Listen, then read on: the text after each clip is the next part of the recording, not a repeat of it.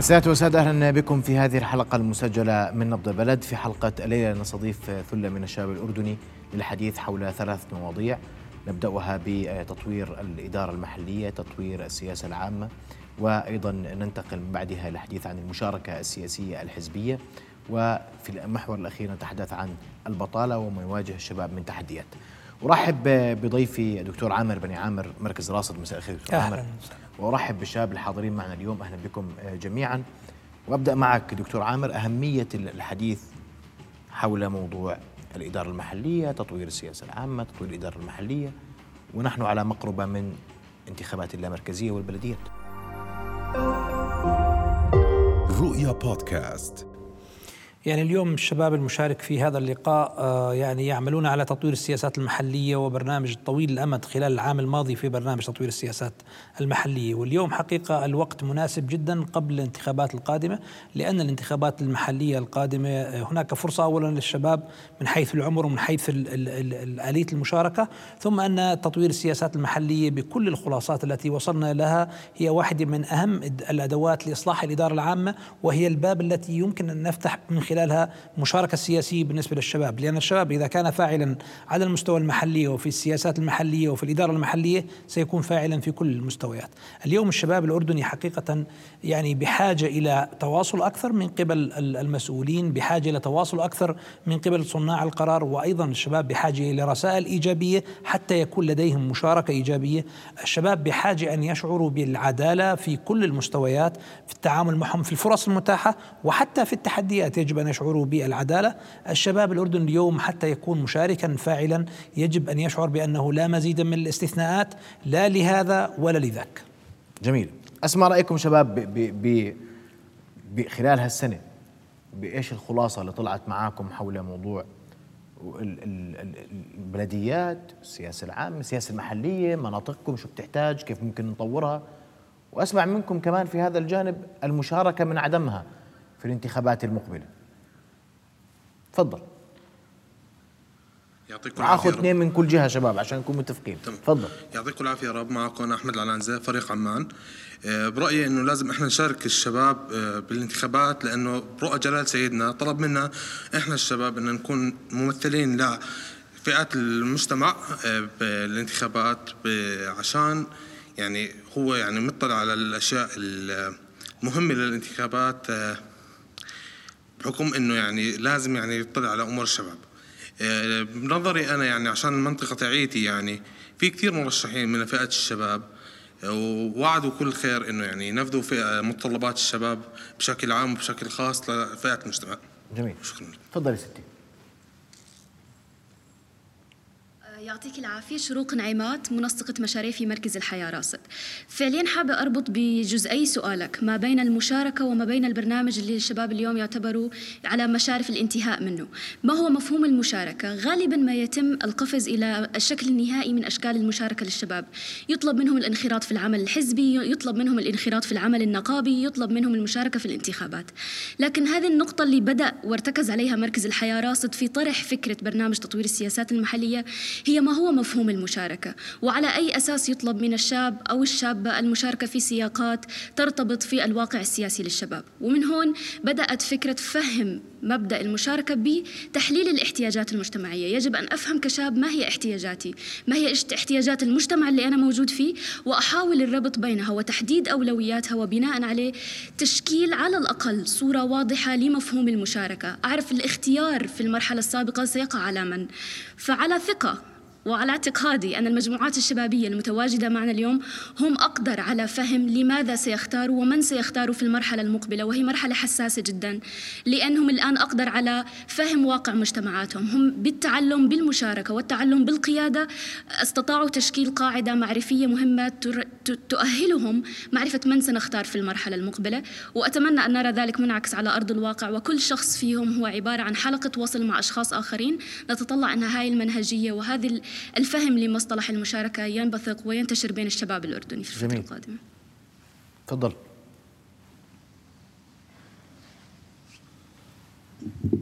يعطيك العافية. عامر أبدلو من محافظة إربد. اليوم المشاركة من عدمها نحن من خلال هذا المشروع قدرنا نحدد إيش الاحتياجات تاعت المناطق في محافظة إربد وفي كل مناطق المملكة، اليوم أنا كشاب قبل ما بدي أشارك في العملية الانتخابية بدي أطلع على البرنامج الانتخابي للشخص المرشح، بدي أشوف ماذا سيفعل، هل راح يتطرق للاحتياجات اللي إحنا حددناها كشباب؟ هل حاطة في برنامجه الانتخابي؟ هل سيقوم بتنفيذ آه، هل قام بتنفيذ دراسات أو بحوث أو قارع عن دراسات أو بحوث سابقة نفذتها المؤسسات آه، عن احتياجات المناطق في جميع المحافظات أو في. أو في الدائرة الانتخابية التابعة لها لأنه إحنا من خلال مبادرة التعليم في محافظة إربد اشتغلنا على تقييم مواقع المدارس الحكومية خلال جائحة كورونا وقدرنا نعرف من خلال الدراسة اللي عملناها اللي استهدفنا فيها شباب آه، شباب وأولياء أمور ومدراء تربية ومدراء تربية وقطاع التعليم بشكل عام كانت فئتنا المستهدفة وزعنا عليهم استمارات وشفنا كيف كان إنه مشكلة التعليم مشكلة الاكتظاظ في المدارس الحكومية في محافظة إربد ونقص المدارس الحكومية في المحافظة من التسعينات لحتى اليوم بسبب إحنا سميناها الهجرة خلال جائحة كورونا كان اسمها الهجرة من المدارس الحكومية إلى المدارس من المدارس الخاصة إلى المدارس الحكومية. هذا الإشي سبب عبء على المدارس الحكومية في محافظة إربد. أصبح الصف لا يتسع للعدد الكافي من الطلاب وأصبح في عندنا أيضا مجموعة كبيرة من المعلمين لا يسيطرون على الغرف الصفية ولا أنه في وقت كافي للحصة. فبدنا نشوف هالأشخاص المرشحين للانتخابات هل عندهم هذا الإشي في برنامجهم وخطتهم الانتخابية؟ وبناء على ذلك سنختار المرشح الأنسب والأفضل. وشكرا. تفضل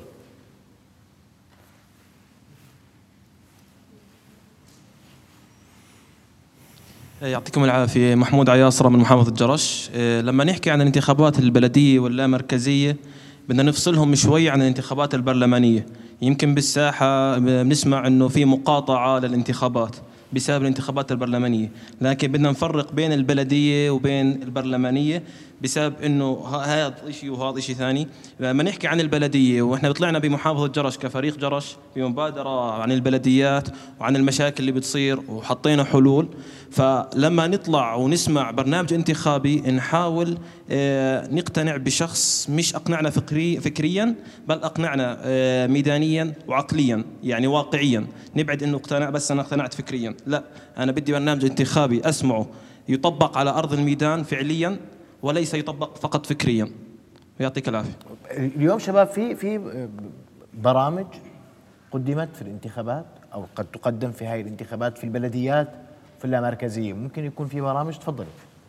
يعني أنتم بتحكوا اليوم أنا بدي أقيم برنامج وبناء عليه أنتخب أو لا أنتخب أو أعطي صوتي لهذا أو ذاك صحيح؟ نانسي فضل. بلال محافظة العقبة. يمكن إحنا بالعقبة محرومين من من البلدية ولكن إحنا بنمارس حقنا بانتخابات مجالس المحافظات هلأ خلينا نحكي إنه في برامج عم تنزل. بس إحنا مشكلتنا مش بالبرامج. إحنا مشكلتنا بنوعية البرامج اللي بت... اللي بتنكتب اللي كلها شعارات رنانة. وما بنشوف منها شيء على الأرض. هذا واحد. اثنين مين اللي بده ينفذ هذا البرنامج؟ هل هذا البيان الانتخابي موجود عشان شخص واحد ينفذه؟ ولا في فريق عمل مكون من أعضاء مجلس المحافظة رح يكونوا مع بعض عشان ينفذوا هذا الشيء؟ ونجي لنقطة أهم بوجهة نظري كشابة أنا لما أطلع على البيان الانتخابي وأحسه جاي آه، كل البيانات الانتخابية واحدة بنفس الصياغة بكتبها شخص واحد بكون عارف يعني آه، بصياغة لغة عربية. لا أنا مش اللي بدور عليه. تعال احكي معي بلغتي. وفرجيني إشي ممكن يطبق على الأرض. ما تحكي معي بأحلام وردية. ما تحكي معي تحكي لي بمشاكل كبيرة زي الفقر والبطالة إنك رح تحلها بأربع سنوات. أنت رح تكون فيها في مجلس محافظة ولا في بلدية. ما تحكي لي إنه أنت آه، اللي ما عملوه خلال الأربع سنوات الماضية أنت رح تعمله خلال الأربع سنوات هاي إذا ما كنت عم تطلع أصلا. خلال الأربع سنوات الماضية شو عملوا؟ شو ساووا؟ القطاعات اللي استهدفوها هل إحنا رح نكمل عليها ولا رح نشتغل على قطاعات ثانية؟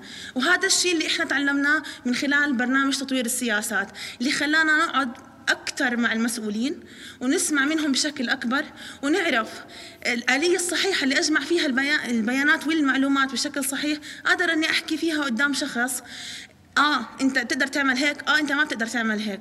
يعطيك العافية. أهلا. تفضل سيدي. المايك شغال لو سمحتوا. بل تعطي المايك يا شباب. فقيه لو سمحت. أعطيه زميلك.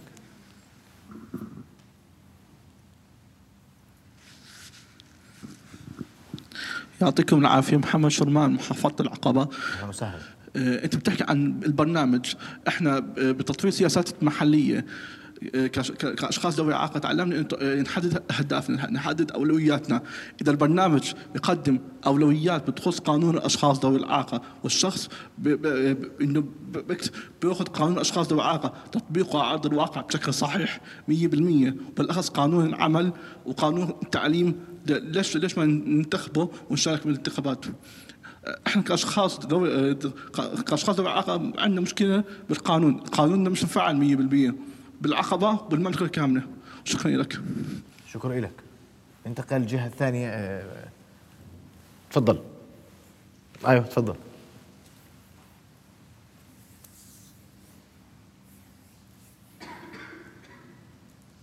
يسعد مساك وقصي أبو محارب من محافظة الزرقاء. أه، بصراحة أنا بدي أنوه على قضيتين. إذا إحنا اليوم بننادي في حياة سياسية جديدة وبدنا تجديد في العملية السياسية لابد من وجود أه، حياة حزبية حقيقية موجودة في الأردن. اليوم أنا كشاب إذا بدي أنخرط في العملية الانتخابية وأنخرط في العملية السياسية في قيود قاعدة بتربطني مع كل ال- ال- التجديد اللي قاعد بيصير في الحياة الحزبية الموجودة في الأردن لكن لليوم موجود عندي تخوف بيخليني أرجع خطوة لورا إنه أنا إذا اشتركت في الحزب آه، بدي يصير علي مساءلة قانونية بدي يأثر على حياتي الاجتماعية يأثر على حياتي السياسية. هاي الأمر الأول.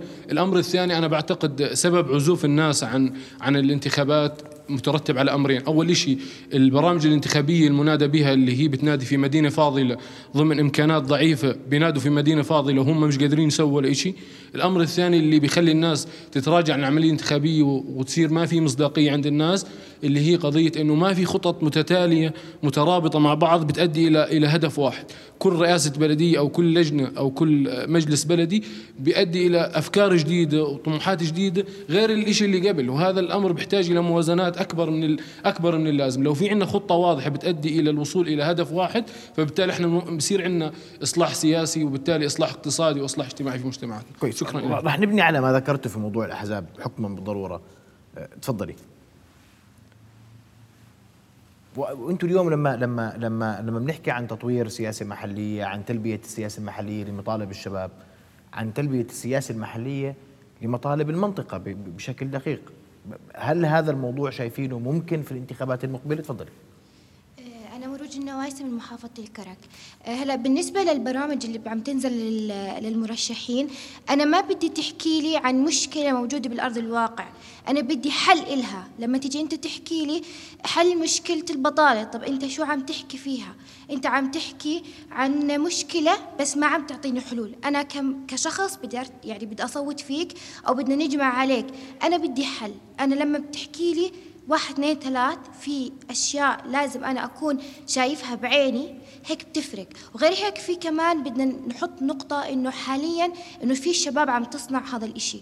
يعني في شباب عندها فكر في تعلم. فممكن إحنا كشباب إنه ممكن لما يكون نازل وخاصة إنه السن الترشح للبلدية أقل من السن الترشح للنيابية فبسمح للشباب إنهم يشاركوا فيه. فهذا إشي إنه إحنا كشباب إلنا دور إنه لازم إنه نصوت عشان نعزز دور عنا الشباب في الحياة السياسية. يعطيكم العافية.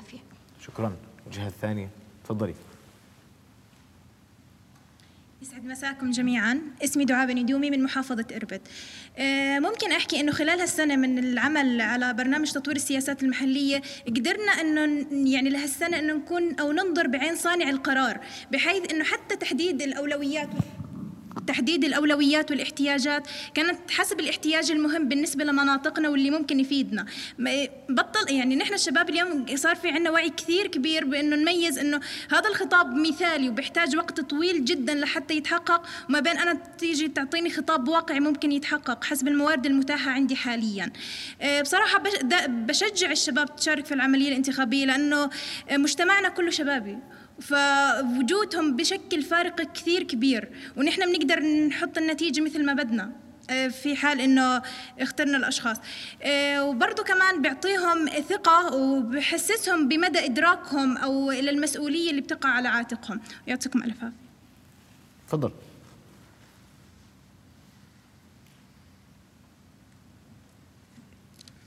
يعطيكم العافية جميعا. أيسر أبو عيسى من محافظة عجلون. كل زملائي طبعا هون تطرقوا لموضوع المشاركة بالانتخابات من حيث أنتخب أو لا أنتخب. آه، ممكن آه، زميلتنا هون تطرقت لموضوع أنتخب أو لا أنتخب. هسا إحنا بدنا نحكي عن حق الشباب إنه ينزل كمرشح ينزل كمنتخب. هسا في مقولة قديمة بت- بتقول لكل زمان دولة ورجال. ورجال الدولة هم معنيين بالشباب الآن. الشباب انخرطوا بالمجتمع المحلي قادرين على عارفين شو مشاكل المجتمع المحلي عارفين كيف يجدوا أفكار يحلوا مشكلة يحلوا المشكلات هاي اللي بتواجه المجتمع. يعني آه، قادرين الشباب يحلوا المشكلة؟ أكيد بعض الشباب متعلمين آه، انخرطوا بالعمل المجتمعي آه، ساهموا مؤسسات مجتمع مدني. فعرفوا حلول أو عملوا مبادرات. فإحنا بنشكر يعني مركز الحياة راصد المرة هاي اللي ساهم بمشاركة الشباب كثير وبنتمنى إنه يكون مستقبلا في توجه من المسؤولين آه، محطات التلفزيون الأردني لدعم الشباب بالمشاركة. وشكرا طيب. وشباب أنتم التقيتوا مسؤولين وحكيتوا معهم شفتوا تجاوب شفتوا منطق الكلام اللي قدمتوه للمسؤولين كان مناسبا غير مناسبا تعاملوا معاه بطريقة لقوه إيجابي مش إيجابي. كيف كان التعامل بينكم وبين المسؤولين خلال الفترة الماضية؟ راح أسمع إجابتكم شباب بعد فاصل. وبعد الفاصل أيضا سنتحدث عن موضوع الحياة السياسية المشاركة الحزبية وما بنى عليه زميلكم قبل قليل من تردد الشباب حتى اللحظة. وبيكون معنا دكتور عامر بصفته عضو آه، لجنة ملكية للإصلاح. فاصل قصير ومن ثم نواصل ابقوا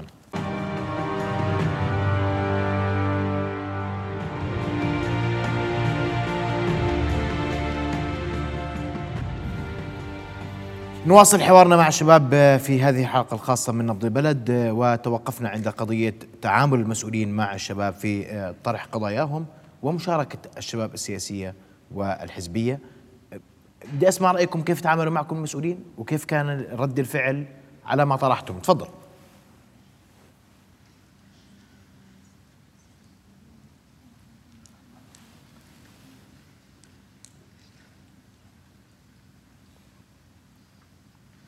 مساء الخير جميعا. مالك السراير محافظة الكرك. مبادرتين عملنا عليهم عفوا مبادرتان عملنا عليهم في محافظة الكرك مبادرة تطوير السياحة ومبادرة ماهية تداخل الصلاحيات ما بين آه، الجهات المسؤولة عن الخدمات. بعد هذه المبادرات اللي عملنا عليهم خرجنا في مجموعة من الملاحظ. أهمها أنه يوجد تضارب ما بين في اتخاذ القرارات ما بين المسؤولين آه، ومجموعة من التوصيات. مجموعة من التوصيات اللي خرجنا فيهم أنه ضرورة المشاركة في العملية السياسية بخصوص موضوع الانتخابات المجالس البلدية ومجالس المحافظات. ال- ال- كمان النقطة الثانية ممكن نضيفها على موضوع التوصيات اللي هو أنه إحنا آه، تفعيل دور المشاركة ما بين الشباب وما بين المسؤولين لأنه في البداية ما كان في تجاوب بيننا وبينهم وتغلبنا لما تواصلنا معاهم. وللأسف كان في مجموعة من المسؤولين رفضوا أنهم يستقبلونا وما حضروا الجلسات آه، في نهاية المبادرة مبادرات وفي مجموعة من المسؤولين كان في ما بينهم آه، خلافات. آه، في النهاية في المجمل إحنا بنحفز الشباب وندعوهم زملائنا في المحافظات ضرورة المشاركة في عملية آه، الانتخابات المقبلة. كويس بس أنت أنت اللي فهمته من كلامك إنه ما كانش في تعاون من المسؤولين وتقبل لما تقدمتم به من مقترحات صحيح؟ في البداية نعم ما كان في البداية ما كان في. نعم ما كان في. تفضلي. تفضلي. وإحنا شباب لما نحكي بنحكي حتى يكون ال- ال- المشاهد الأردني والشباب الأردني اللي بيحضركم اليوم بيعرف إنه في هالتجربة هاي هل لمستم فعليا تعاون وتفهم وإيقان من المسؤول إنه دورك اليوم أساسي ورئيسي؟ تفضلي. مساء الخير تسنيم مقابلة من محافظة جرش. آه، بالنسبة لأنه التقينا مع مسؤولين إحنا التقينا مع مسؤولين.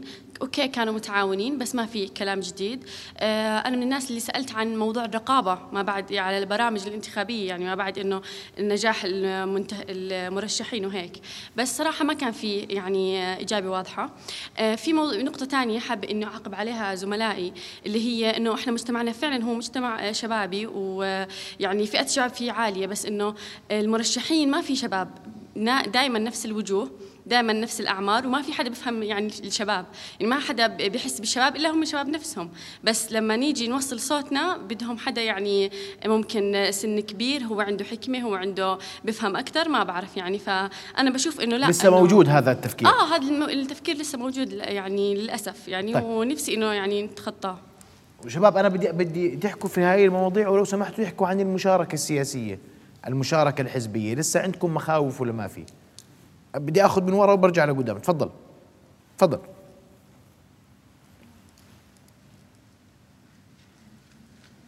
الله يعطيكم العافية. معتصم من عماد محافظة معان. آه، بالنسبة لتجاوب المسؤولين في محافظة معان وصناع القرار آه، بس اجتمعنا معهم أخذوا بعض التوصيات اللي طلعنا فيها والنتائج لكن هاي التوصيات والنتائج آه، ما بعرف إذا كان في إله تطبيق في المرحلة الجاية في ال- المشاريع اللي جاية هذا لا أعلم بس لكن أخذوا كان في توافق عليها. النقطة الثانية اللي هي المشاركة السياسية والحزبية. أنا بشوف يعني حيث راقبنا في ترشح المجالس المحلية والبلديات اللي نزلوا قبل في يوم الاثنين والثلاث والأربعاء في محافظة معان آه، ثلاثة من الأحزاب والباقي كله مستقل. هذا دلالة على ضعف الأحزاب في المحافظات اللي خارج محافظة معان هسه يومني أنا بدي أنتخب كشاب أنا بحب الأحزاب وأنا نفسي أنتمي لحزب. آه، ما في أي رئيس بلدي مترشح أو مترشح للبلدية في منطقتي منتمي لحزب كلهم مستقلين. فهذه المشكلة اللي بنواجهها كشباب. ما في أحزاب ضمن هاي المحافظات. وأيضا النقابات المهنية شوي آه، آه، غير فاعل. يعطيكم العافية. أشكرك. تفضلي.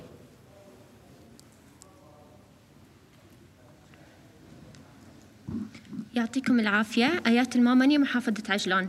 هلا آه، بالنسبة للقنا- للقاءاتنا مع المسؤولين تمام؟ كان في عنا تجاوب من بعض المسؤولين وكان في عنا عدم تجاوب أو تخوف من الإجابة على بعض الأسئلة اللي سألناهم إياها ضمن الأعمال اللي بيقوموا فيها. كان في تخوف وعدم رد. آه كمان آه مثل ما حكى زميلي إنه هم بي- بياخذوا منا المشاكل وأغلبهم بي آه بينصدموا من المشكلة اللي إحنا عم نعطيهم إياها وهم ما عم يعرفوا عنها. بس هل يوجد تطبيق واقع أو حلول؟ هلا هو في حلول وإحنا عم نعطيهم الحلول ولكن ما في تطبيق. هلا آه كمان آه بالنسبة للمشاركة الحزبية آه نفس الإشي الأشخاص اللي اللي اللي ممكن انه نصوت لهم ما في عنا أشخاص منتميين لحزب. أو ممكن داخل المنطقة اللي مثلا نحكي عن محافظة عجلان داخل محافظة عجلان ما في عنا أحزاب أو توعية الكافية عن الأحزاب أو آه، على مستوى القرى وعلى مستوى المحافظة. البلديات ككل ما في عنا آه، توعية. حزبية آه، توعي الشباب والكبار كمان. هلأ بالنسبة للكبار آه، نحكي إنه ممكن ما كانوا مهتمين ولكن الشباب هلأ إنه لازم يكون عنده آه، حزب ولكن في تخوف. في تخوف إنه من دراسته الجامعية من قيود أمنية من وما إلى ذلك. يعطيكم واضح. العافية. تفضلوا. يلا. يعطيكم العافية. محمود بشتاوي من محافظة الزرقاء.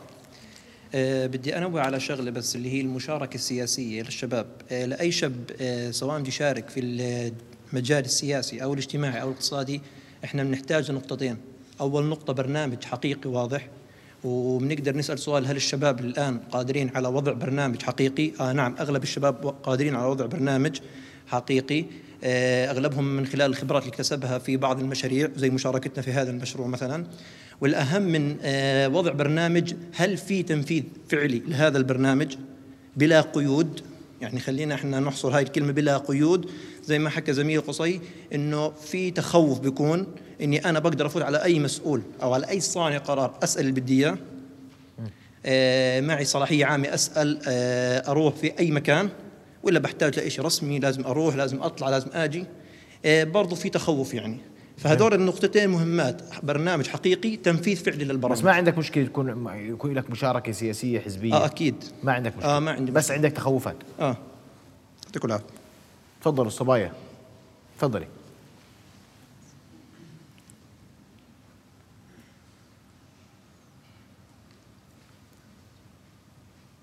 يعطيكم العافية جميعا. أنا رغد أبو عيشة من محافظة الزرقاء. آه، حاب أحكي صراحة أكثر من شغلة بما أنه إحنا متاحين اليوم أنه إحنا نعبر عن حالنا كشباب في الأردن. أول شغلة حابة أحكيها أنه إحنا مشاركة الشباب هي أمر ضروري مش بس في الجانب السياسي إنما بالجانب الاقتصادي والاجتماعي. ليش؟ لأنه أنا كشاب أنا أدرى في حاجاتي من أي صانع قرار قاعد خلف المكتب. هو مش زيي في الميدان. يعني أنا لما أكون في الميدان بكون عارفة شو المشاكل اللي أنا بواجهها. هاي شغلة. من خلال مشاركتي في برنامج تطوير السياسات مع مركز الحياة راصد صراحة كانت هاي الفرصة كتير جميلة بأنه إحنا نقعد مع صناع القرار. ويمكن هاي المرة كانت مختلفة بأنه إحنا بنقدم حلول ما بنقدم مشاكل. فكانت هاي الحلول نابعة منا. إحنا بعد دراسات بعد آه، مناقشات بعد مع جلوس مع صناع القرار. ويمكن أغلب المشاركين هون كلياتهم عارفين قد إيه مهم إحنا دورنا كشباب وقد إيه مهم إنه إحنا نفعل دورنا كشباب مش بس لأنه أنا كشاب بدي أطلع والله قدام الكاميرا أو بدي أتصور. لا أنا بدي أفعل دوري بإني أنا بدي أوصل صوتي كمحافظة كمكان كقرية كأي شيء كمخيم. فأنا لما بدي أطلع وأوصل صوتي بدي أكون عارف وإني متأكد إنه أنا إلي مهارة وإلي كفاءة وإلي قدرة بإني أنا أعبر عن كل المشاكل اللي بتواجهني. هاي شغلة. الإشي الثاني اللي كنت بدي أحكيه بإنه صحيح صناع القرار كلياتهم استقبلونا ويمكن قعدنا معهم وحكينا وتناقشنا في كتير أشياء كل صانع قرار أنا متأكدة هو بيكون عارف وداري في الحاجات والمشاكل اللي إحنا بنواجهها. بس الفكرة وين؟ الفكرة إنه إحنا كصانع قرار يمكن ما بتكون في إيده كل الصلاحيات اللي إنه هو قادر ينفذ الأشياء اللي إحنا بنطلع فيها. المشكلة عندنا في إنه إحنا آه، بدي أحكي تطبيق الأشياء مرتبطة في أشخاص وليس في منصب معين. لما أنا أجي أحكي وزير أو نيابي أو بغض النظر من مكان فأنا لما بدي أجي أحكي مثلا فلان في هذا المنصب اليوم بكرة هو مش موجود تغيرت السياسة كلياتها. فأنا القرار مرتبط في شخص. فهذا الإشي كثير عائق لنا إحنا كشباب بما إنه إحنا بنحط حلول. يمكن آه، لو بدي أجي أحكي عن انتخابات المجالس بما إنها قربت فأنا بالنسبة لي يعني يمكن آه، لو شوفوا الحلول اللي إحنا طلعنا فيها من جميع المحافظات اللي طلعنا فيها فأنا بتخيل إنه هاي الحلول هي فرصة لكل حدا بده ينزل على الانتخابات عشان يوصل حاله. لأنه إحنا بدنا شخص ما يجي يحكي لي أنا بدي احل البطالة. ما حدا حيحل البطالة البطالة مشكلة عالمية. فأنا باجي بحكي إنه أنا بدي أحل مشكلة مثلا يعني نيجي نحكي مثلا عن محافظة الزرقاء بدي أجي أحل مشكلة المخيمات مثلا في الزرقاء بدي أجي أحل شيء واقعي ملموس أقدر أقيس أثره بعد مدة. وشكرا كثير لكم يعطيكم العافية. تفضل.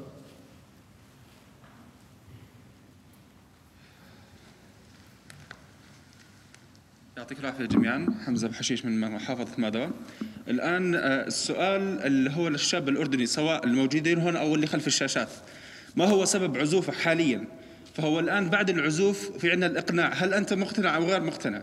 الآن بيجي بيقول لك على المشاركة السياسية وخاصة إحنا في البلديات. بيجي بيقول لك أنا ليش أشارك بالبلديات؟ رح يصوتوا له قرايبه. يعني إحنا في عندنا في محافظة مدبه يعني آخر ما بقدر أقول لك شو اي فتره رئاسيه ولكن اللي آخر واحد تقاعد عين 45 واحد. عين 45 واحد فهو بقول لك أنا ليش أروح أصوت فيه؟ وأنا عارف إنه هو بالنهاية قرايبه اللي راح يرفعوا وهو اللي راح يعين قرايبه بالنهاية. فإحنا هاي بالنهاية بدك تيجي تحكي عن المشاركة السياسية المشاركة السياسية وقع الفاس بالرأس تمام؟ والآن نحكي خلص اجى رئيس البلدية والآن صار يشتغل تمام؟ والآن ما حسب البيان الانتخابي حكى راح اعمل وراح اعمل وراح اعمل ما عمل شيء الآن كيف بدك تقدر تحاسبه؟ ما بتقدر تحاسبه. بدك تحكي أو مثلا الصندوق هو أساس المحاسبة يفترض؟ الصندوق هو أساس المحاسبة. معناته اذا اذا إذا ما ما نفذ برنامجه يفترض لا ينتخب مرة أخرى. إحنا حكينا وقع الفاس بالرأس تمام؟ آه. الآن طيب. ما في اي أي شيء طبق على أرض الواقع تمام؟ شو شو دور الشباب في هذا الموضوع؟ كيف ممكن نحاسبه؟ نقدر مثلا نجمع مجموعة الشباب نقدر نتظاهر قدام بلدية ونقول له مثلا أنت الآن ما طبقت أي شيء يجب علينا إيجاد حلول خلال فترة الرئاسة اللي هي نحاسب فيها نفس الرئيس خلال فترة رئاسته ونكون طيب. قادرين على أنه نفرض عليه أنه لازم يبين ويوضح كل بيان انتخابي أعطاه قبل ما يترشح ولازم عليه تنفيذه. فهي بالنهاية وكما نحكي للشباب الحرية يعني الحرية. يعني مثلا دي يجي يحاسبوا وقف قدام بلدية تعال تفضل. قيود أمنية. تفضل. آه ممكن سجن. ممكن يكون آه صحبة مثلا مع مدير الشرطة في في محافظة ما. يقول له بالله حط لي عندك أربع أيام خمس أيام. فبالنهاية إحنا لازم نحط انفايرمنت معين قادر إنه يكون فيه الشاب يعبر عن رأيه حتى وإن فات في فترته الرئاسية وفي العمل الرئاسي. كويس. يعطيك العافية. تفضلي.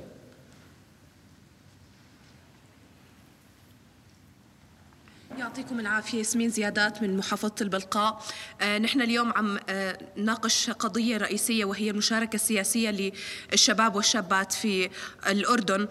النقطة الأساسية اللي ممكن نتوجه لها إحنا اللي هي إنه إحنا لازم كأشخاص نكون مدركين إنه إحنا وصلنا لمرحلة وإن إحنا آسفين عليها. يعني هذه ما قبل المئوية. إنه إحنا وصلنا لمرحلة ننتج الفساد وبنحتضنه. إحنا اللي بنوصل. يعني الكل بيطالب برقابة صح؟ كنا بنطالب برقابة على آه، سواء مجلس نيابي أو لا مركزية أو بلدية بنطالب برقابة. الرقابة الأساسية أو الامتحان لهذا الناخب اللي وصل كان إحنا الامتحان كان مسبق. إحنا اللي غششناه وصلناه. بعدين بدنا نحاسبه؟ ما بزبط. فالأساس كلياتنا ننطلق كل واحد مؤثر في مجتمعه كل واحد مؤثر في بيئته. كلنا الحق علينا إنه إحنا نكون مؤثرين على الأقل كل واحد لو غير رأي عشرة من المحيطين فيه. ما نصوت بشكل شخصي ما نصوت إلا لما نشوف برنامج قابل للقياس على أرض الواقع. خلينا نسميها بمصطلح ممكن يكون أعم من إنه أنا أدخل بتفاصيل. هذه النقطة الأولى. النقطة الثانية آه سألتنا عن آه قيمة البرامج السياسية أو على بناء على شو بدي أصوت. والحزبية. آه بالبداية بدي أشوف المستوى التعليمي للشخص آه المرشح. الفئة العمرية هل هو بيمثلني أو لا؟ قد يمثلني من فئة عمرية أخرى ولكن بدي أشوف خبراته السابقة في العمل الشبابي. آه، بدي أشوف مدى اطلاعه على الواقع. وين كنت أشوفه أنا بالحياة الواقعية؟ هل هو كان مشارك فعليا؟ هل كان منخرط بالمجتمع؟ ولا لقي حاله فاضي؟ آه، كثير صارت معي أنا شخصيا بمنطقتي وأبناء منطقتي بيعرفوا أنا بقرية. عم نسأل بس أنا طالع صوتي بالقرية كلياتها فرجوني برنامج انتخابي ما في. إحنا حنعمل حنجيب حنودي. شو بدكم تعملوا؟ بدنا نجيب دورات. طب ما الدورات قاعدين ناخذها بأي مكان. الناخب أو عفوا المرشح نفسه لا يعلم حرفيا معنى كلمه لا مركزية. غير واعيين لهذه النقاط. ويعطيكم ألف عافية. تفضل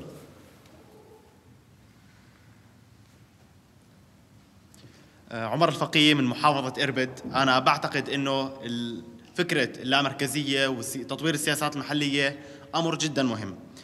لكن ما بعتقد أنه طبق بشكل حقيقي وبشكل آه، ملموس للأهالي في في المحافظات. فمثلا على سبيل المثال اليوم برصد حالي في المجتمع للشباب الأردني والمواطنين ككل ما في اهتمام في الانتخابات القادمة. هذا بنسأل السؤال لماذا؟ لأنه تجارب المجالس المحافظات السابقة والمجالس البلدية ما اشتغلت على احتياجات المواطنين ولمست هاي الاحتياجات. يعني فكرة اللامركزية ومجالس المحافظات لما أجت أنه هي تنقل تنمية حقيقية للمحافظات تشتغل تجلب استثمارات لكل محافظة لأنها هي الأقدر وتشغل الشباب الموجودين في هاي المحافظات. فاليوم بدنا آه، نشتغل نطور آه، ونطبق آه، فكرة الإدارة المحلية بشكل أوسع وبشكل أشمل ونستمر بأنها نبتعد عن عقلية التعيين في مناصب الإدارة المحلية. شكرا. أشكرك. تفضل.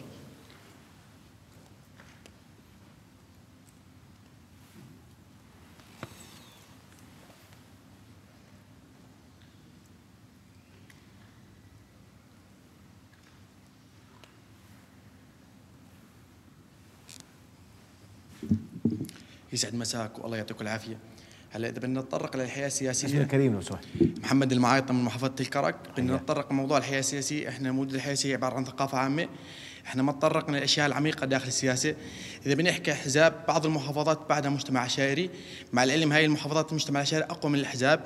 الأحزاب فيش أحزاب فعالة. كله برامج عبارة عن copy paste نسخ لصق. بعطيني برنامج okay يقنعني بس البرنامج مطبق على أرض الواقع. كذلك بعض صناع القرار صاروا تطرقوا للاحزاب مشان الترشيح الانتخابات أو من أجل استلام مناصب معينة تمام؟ إذا بنحكي هاي المناصب بالآخر أنت كصانع قرار ما استفدت منك كصانع قرار بدي أستفيد منك كنائب أو كمرشح لشيء شيء معين. هلأ الانتخابات البلديه جاية بالطريق شو دور الشباب فقط انتخاب إدلاء الصوت okay طبعا ادليت صوتي طب أعطيني برنامج شو قدمت شو راح تقدم؟ شغلة ثانية والأهم أنا بتمنى من كل شاب قبل ما يصوت قبل ما يختار مين مرشح شوف شو قدم وشو راح يعمل. إذا عمل شيء على أرض الواقع قديما بالآخر راح يعمل حديثا. شكرا لكم. شكرا لكم شباب. شباب إحنا بعد عندنا فاصل بعد الفاصل رح نحكي عن موضوع البطالة. ولما نحكي عن إدارة محلية ومشاركة سياسية البطالة جزء مهم من معاناة الشباب اليوم من تحدياتهم. فراح أسمع رأيكم وبعد فاصل قصير. فاصل ومن ثم نواصل. قوما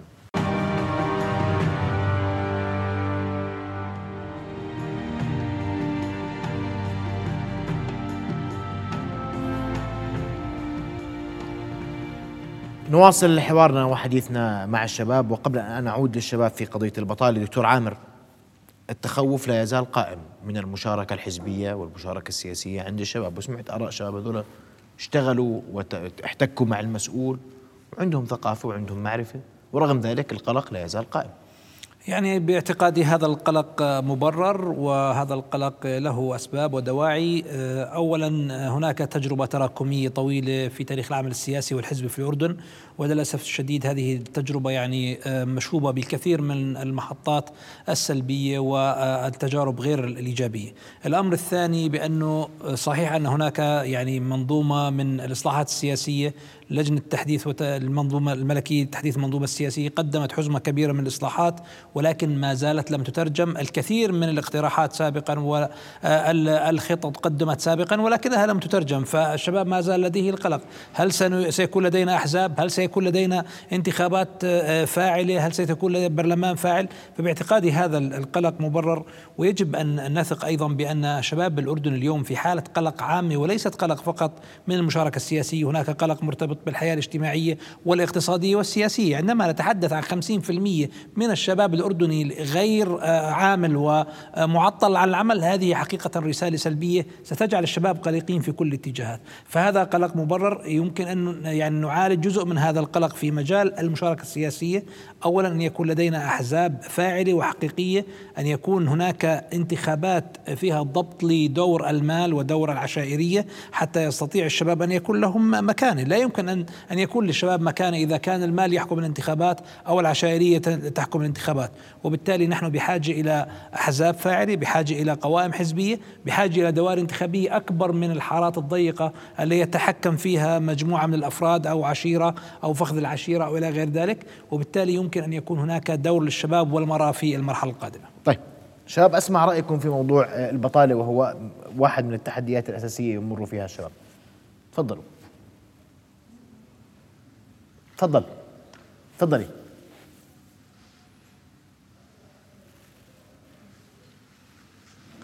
يعطيك العافية. أنا وجدان من محافظة المفرق. هسا لما نيجي نحكي عن البطالة هسا شايفين إحنا ديوان الخدمة المدنية والوظائف الحكومية ما في. كل هاي الأشياء راكدة. فإحنا كشباب إذا بدنا نستنى إنه يجي دورنا إنه حتى نتعين راح نضل قاعدين سنة وسنتين وثلاثة وخمسة وعشرة حتى. يعني أنا خريج من 2015 ولساتني يعني إذا بدي أستنى وقعدت بالبيت ما راح إنه أوصل لنتيجة. فحاليا إحنا الشباب بالمفرق كنا اللي صرنا لاجئين للمبادرات. للمشاريع الصغيرة. في كثير شباب صاروا يكتشفوا مواهبهم. يعني عنا كثير ناس صارت تشتغل حرف يدوية. في ناس عملت منتجات رقمية. فإحنا الشباب يعني الحمد لله يعني الواحد إذا بده يضل يستنى هاي الفرص اللي تتقدم من مثل نحكي الجهات الحكومية ما رح نستفيد شيء فإحنا الشباب الحمد لله كنا لاجئين لأنفسنا ولمهاراتنا الشخصية. يعطيك العافية. أشكر تفضلي.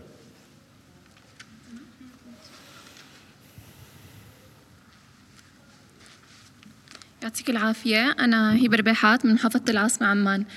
اليوم إذا بدنا نحكي عن مشاركة الشباب في الحياة السياسية وكذلك بدنا نحكي عن نربطها بمشكلة البطالة نحن في هذا البرنامج برنامج تطوير السياسات المحلية طلعنا ب 23 مبادرة على مستوى المملكة. هاي المبادرات أنا على ثقة تامة بأنه لو مسؤول واحد من البلد تبنى مبادرة من هاي المبادرات رح تحدث تغيير فعلي بمجتمعاتنا لأنه إحنا بمبادراتنا ما قدمنا بس مشاكل. مع هاي المشاكل طلعنا بتوصيات بناء على توجيهات من موجهين ومؤثرين وخبراء يعني ما كانت فقط بناء على معرفتنا إحنا كشباب لسه ما عندنا هاي المعرفة الكافية. كان معنا خبراء وكان معنا موجهين ومؤثرين. مشيوا معنا خطوة بخطوة حتى نطلع بهاي التوصيات والحلول يلي بتحل مشاكل. من هاي المبادرات اللي طلعنا فيها مبادرة تقييم واقع ريادة الأعمال والشركات الناشئة في محافظة العاصمة عمان. كيف ممكن نقيس هاي المبادرة على باقي محافظات المملكة حسب التوزيع الديموغرافي؟ إحنا حكينا كمان إنه بهاي المبادرة كيف ممكن إنه صناع القرار يقدموا تسهيلات وتشريعات تشريعات.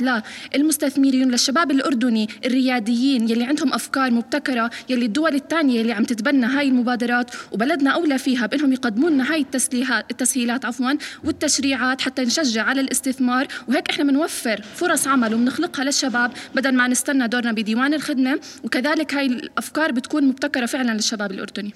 أشكرك. تفضلوا. وأنا شباب اليوم دائما السؤال هل موارد المحافظة اللي أنتم جايين منها قادرة على خلق فرص عمل للشباب؟ اليوم في حديث كثير إنه عندنا كم كبير من الأعمال الوافدة. وين دور الشباب؟ ليش ما عندنا إحلال لشبابنا؟ مكان هاي العمالة. تفضلي ستي. آه، شروق الحمايدة من محافظة الطفيلة. المعاناة اللي جدا كبيرة بصراحة وعم نحملها من هاي المحافظة وطلعنا لهون لنحكي العديد من التوصيات لصناع القرار ولينسمع صوتنا. بحيث أنه مشكلة البطالة هي أرق. صارت في كافة المحافظات الموجودة بالأردن لكن الأعلى في النسب هي محافظة الطفيلة. هنالك خوف من صانع القرار في المحافظات وخاصة الجنوب. على الكراسي علشان ما يطلب موظف. وعندنا دوائر حكومية تحتاج موظفين. لكن هذا الإشي إحنا بنواجه فيه صانع القرار إنه بخاف على الكرسي اللي هو عليه وما بيطلب موظفين. رغم إنه بنحكي بنفس الوقت عن نسبة تعليم جدا عالية في محافظة الطفيلة وبنحكي عن شهادات عليا موجودة. هذا الأرق اللي بخلانا إحنا كشباب موجودين نشارك في برنامج مثل برنامج تطوير السياسات المحلية. وفكرنا بأول إشي في نقطة إنه كيف ندمج المشكلة تاعتنا مع قصة البطالة والأرق الموجود عندنا ورغم إنه في أفكار جدا ريادية. لما تحكي عن أفكار موجودة في محافظة الطفيلة بتتعامل مع الميتافيرس ومع العالم الافتراضي بتتعامل مع كثير مصطلحات علمية وبتتعامل مع كثير مصطلحات رقمية وعم نحاول نساعد الحكومة للحد من الجرائم الإلكترونية وكثير أشياء عم نتعاطى معها. معناته في فكر. لكن أين المسؤول من شباب محافظة الطفيلة؟ هذا الإشي اللي قاعد بحكيه بصراحة من جواتي إنه في ظلم كبير كمان واقع على المحافظات. لكن إجت لنا الإدارة المحلية بحيث أنه من خلال القانون الموجود أنه في 40% سوف توجه للقطاع آه، التنمية. فهذا الإشي إحنا كشباب محافظة الطفيلة اخترنا أنه بدنا نقيم واقع وحدات التنمية داخل البلديات في محافظة الطفيلة. لما رحنا هناك حكينا إنه إحنا عندنا العديد من التوصيات. وكان في ناس بالشارع وعدد جدا كبير ما يوصل نسبة 80% ما بيعرفوا إن في وحدات تنمية في البلدية. هذا الإشي كمان مزعج لإلنا إنه إحنا ما بنعرف أيضا ما هي الفرص الموجودة محليا عندنا وكيف إحنا كشباب نكون قادرين على المشاركة في مثل هذه الوحدات وتقديم التوصيات لإلها. كمان هاي الوحدات التنمية يعني من أبرز التوصيات اللي قدمناها إنه إحنا كشباب متطوعين معكم في وحدات التنمية بحيث نجلب استثمارات ونجلب مشاريع تنموية. وهذا الإشي اللي إحنا يعني جدا مبسوطين منه كيف جميل. إنه القانون أيضا راح يساعد الشباب. نحكي عن مشاركة ونحكي عن قوانين ونحكي عن سياسات بعض مرات تضعف فينا إحنا. ضعف فينا إحنا لأنه إحنا ما بنواجه صانع القرار مباشرة ما بنصل له بشكل مباشر. برنامج تطوير السياسات خلانا على محك مع صانع القرار بحيث إنه إحنا نواجهه وناخذ منه الشيء اللي إحنا بدنا إياه. يعطيكم العافية. كم واحد فيكم بدور على وظيفة حكومية؟ كلكم. لا مش الكل في مجموعة لا. كم واحد مستعد إنه يتوجه نحو القطاع الخاص؟ بتفضلوا أكثر قطاع خاص ولا حكومي؟ طيب بدي اعرف أعرف منكم اليوم وأنا بحكي في ملف البطالة. اليوم شو شو اللي بيخليك تميل لحكومي عن خاص أو خاص عن حكومي تفضلي. تفضلي ستي طبعا يعطيكم العافية رهف أبو ضلع من محافظة عجلون. ليش بنميل من حكومي لخاص؟ الخاص ما في أمان وظيفي. زي ما الكل بيعرف. باي وقت بيحكوا لك خلص روح اطلع. آه بيعملوا لك أكثر من شغلة. المهم ما تحصل على الإشي اللي أنت بدك إياه. أو إنه يكون مثلا في لك بعد آه، مثلا بعد هذا الدوام كله آه تحصل مثلا على على شيء من حقوقك يعني. أما بالحكومة معروف دائما في أمان وظيفي في راتب ثابت. أنت دائما موجود خلص لك كل شيء موجود كويس. يعني. الأمان الوظيفي هي ملاحظتك. ملاحظة ثانية. تفضلي. معلش إحنا ما راح نكرر سامحوني. تفضلي. آه، يعطيك العافية. أصال البوات من محافظة الكرك. طبعا كلياتنا بنعرف أنه إحنا بنفضل الخاص أكثر. هسا إحنا كبنات من وجهة نظري بندور على الحكومي أكثر من الخاص. ليش؟ لأنه في آه، تأمين صحي بيكون آه، في ضمان أنه الراتب بضل ماشي طول الأشهر. أما بينما الخاص مثلا أنا في لواء الأغوار الجنوبية في عندنا شركات البوتاس والبرومين. هاي معروفة الشباب بيميلوا إلها أكثر. ليش؟ لأنه لهم رغبة بالشباب لأنه بصير في إنه الشباب إنهم عندهم طاقة يشتغلوا الشغل أكثر من البنات. فإحنا دائما في هاي المحا... في هذا اللواء البنات بنميل للقطاع العام أكثر من الخاص. يعطيكم العافية. بس لأنه آه، آه، يعني تأمين. أمان وظيفي والراتب بضل ماشي. أيوة. تفضل.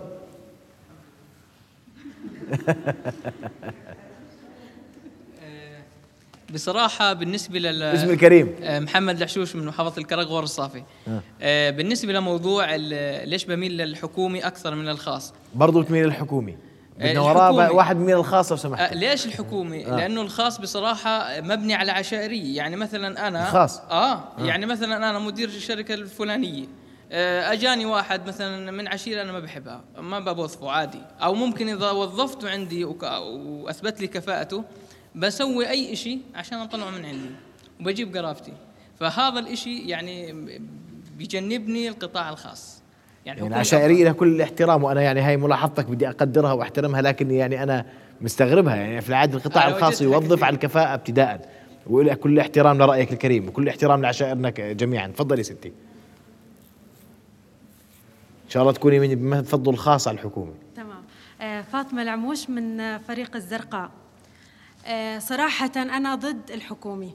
آه، بفضل الخاص أكثر ليش؟ لأنه الحكومي آه، بشبهه دائما بالحلقة الدوارة. لا في حوافز لا في يحكوا زي ما يحكوا كل شيء فيه له ضريبة. الأمان الوظيفي ضريبته أن أنت تضلك بمكانك. وأنا ضد هالشيء بحب إنه كل واحد على كفاءته. كل ما زادت كفاءتك زاد مثلا حوافزك. زادت مكانك زاد مكانك بالموقع اللي انت فيه زادت رتبتك آه، ارتفعت أكثر صار في لك مكان أفضل. جميل. آه فكل مكان له ضريبته. إنك أنت تختار خاص أو حكومي بتوقع إنه هالشيء نفسيا. أنت وين بترتاح؟ بدك أمان وظيفي روح للحكومي. ما بدك أوام آه راح آخذ آخر مرتين لو سمحتوا. تفضل. وبدي وسؤالي اسمح لي. لما بنحكي عن البطالة بنحكي بتقبل بأي فرصة عمل ولا بتشترط؟ إذا كان فيها أمان وظيفي وإذا كان آه، فيها آه، تأمين صحي هل هذا بكفي ولا بنشترط اليوم كشباب وظيفة معينة ومحددة؟ عبد الله الشوابكه من آه، العاصمة؟ في البداية أنا بصراحة بشوف إنه لا آه، الخاص أفضل من الحكومي من من ناحية كثير، أول شيء الحكومة بتنبنى على بيروقراطية قاتلة، البيروقراطية هاي ممكن تؤدي إلى ثباتك في نفس المكان بدون زيادة في ال experience، بدون زيادة في الخبرات والمهارات اللي ممكن هي تأهلك آه، لتوصل ل position أكثر. من ناحية ثانية أنا بشوف إنه فعلا آه الحكومي عنده أمان وظيفي ولكن الخاص أنا بقدر أمارس امارس مواهبي ومهاراتي وخبراتي بأي وظيفة دون شرط أو قيد إذا كان فيها ضمان اجتماعي وتأمين صحي؟ أه لا, آه لا. بقبله حسب إذا كان بناسب قدراتي بناسب خبراتي أو لا. كويس. آخر رأي. تفضلي. إحنا سامحونا ما بدنا نكرر عشان نحاول نوسع الدائرة قدر الإمكان.